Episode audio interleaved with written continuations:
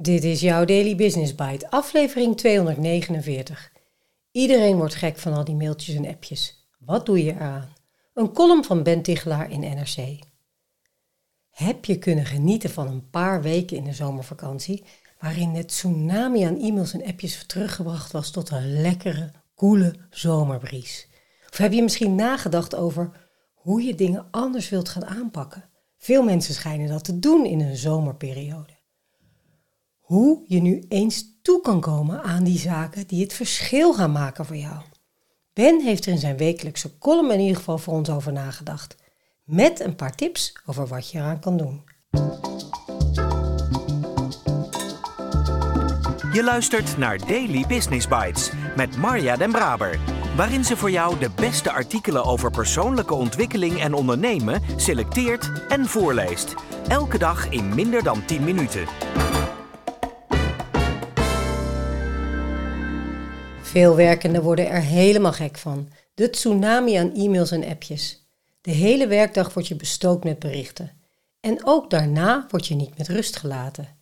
Intussen nemen maar weinig bedrijven serieuze maatregelen. De Pakistaanse onderzoeker Noshin Fatima Warai zette vorig jaar met haar collega's de research rond dit thema op een rijtje. Conclusie? De overload aan communicatie leidt tot stress en verlies van productiviteit. Als we dit willen terugdringen, zijn duidelijke afspraken en maatregelen nodig. Sommige bedrijven hebben strenge regels, met name voor de communicatie met medewerkers buiten de werktijd. In Duitsland maakten autofabrikanten BMW, Volkswagen en Daimler meer dan tien jaar geleden al afspraken hierover. In 2011 bepaalde Volkswagen bijvoorbeeld dat medewerkers tussen kwart over zes en zeven uur met rust moeten worden gelaten. Zulke duidelijke regels zijn echter een uitzondering. Volgens een EU-onderzoek uit 2021 nemen de meeste bedrijven vooral softe maatregelen. Het onderwerp wordt besproken, er is voorlichting en er zijn trainingen. Dat is het wel zo'n beetje.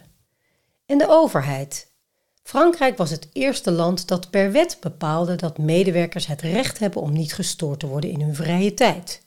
Le droit à la déconnexion. Elke organisatie met meer dan 50 werknemers moet hier afspraken over maken. Begin dit jaar sprak ons parlement over een initiatiefwet van de PvdA die werkgevers en werknemers stimuleert om afspraken te maken over bereikbaarheid buiten werktijd. Later dit jaar staat het onderwerp opnieuw op de agenda. De kans dat er wetter gaat komen lijkt niet groot.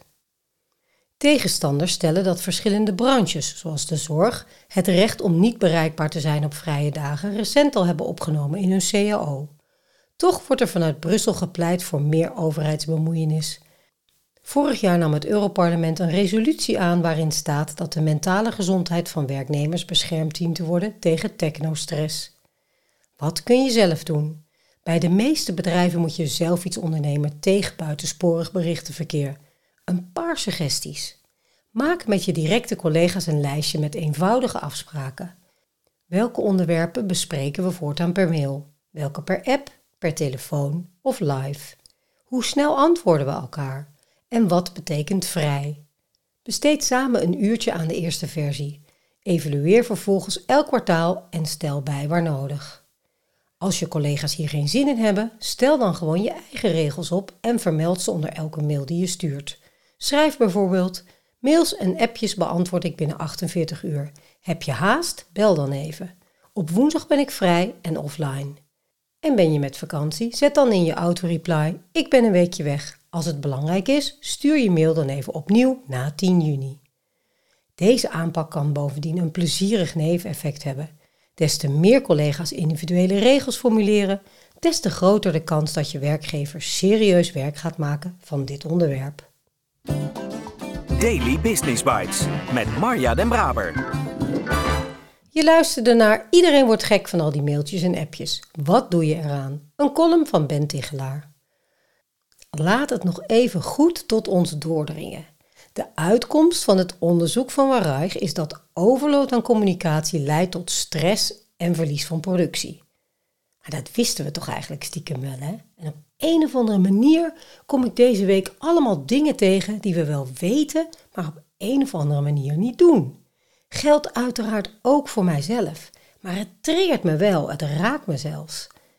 En het stimuleert mij om in coachingsessies nog meer samen te puzzelen hoe we van weten naar doen gaan. Om daar nog meer tijd voor te nemen. En eigen verantwoordelijkheid. Ja, dat zal je niet verbazen dat ik daar sowieso voor ben. Je zult, zoals Ben aangeeft, bij voorkeur met je team samen afspraken maken en anders je eigen voorwaarden duidelijk maken. Hoe beter je bent in het duidelijk maken van jouw eigen voorwaarden en waarom die zo belangrijk voor je zijn, des te makkelijker en eerder zullen ze jouw realiteit worden. En wat zijn jouw voorwaarden? Ken je ze? Ik ga er zeker meer over delen, want belangrijk. En ik spreek je graag morgen weer in aflevering 250.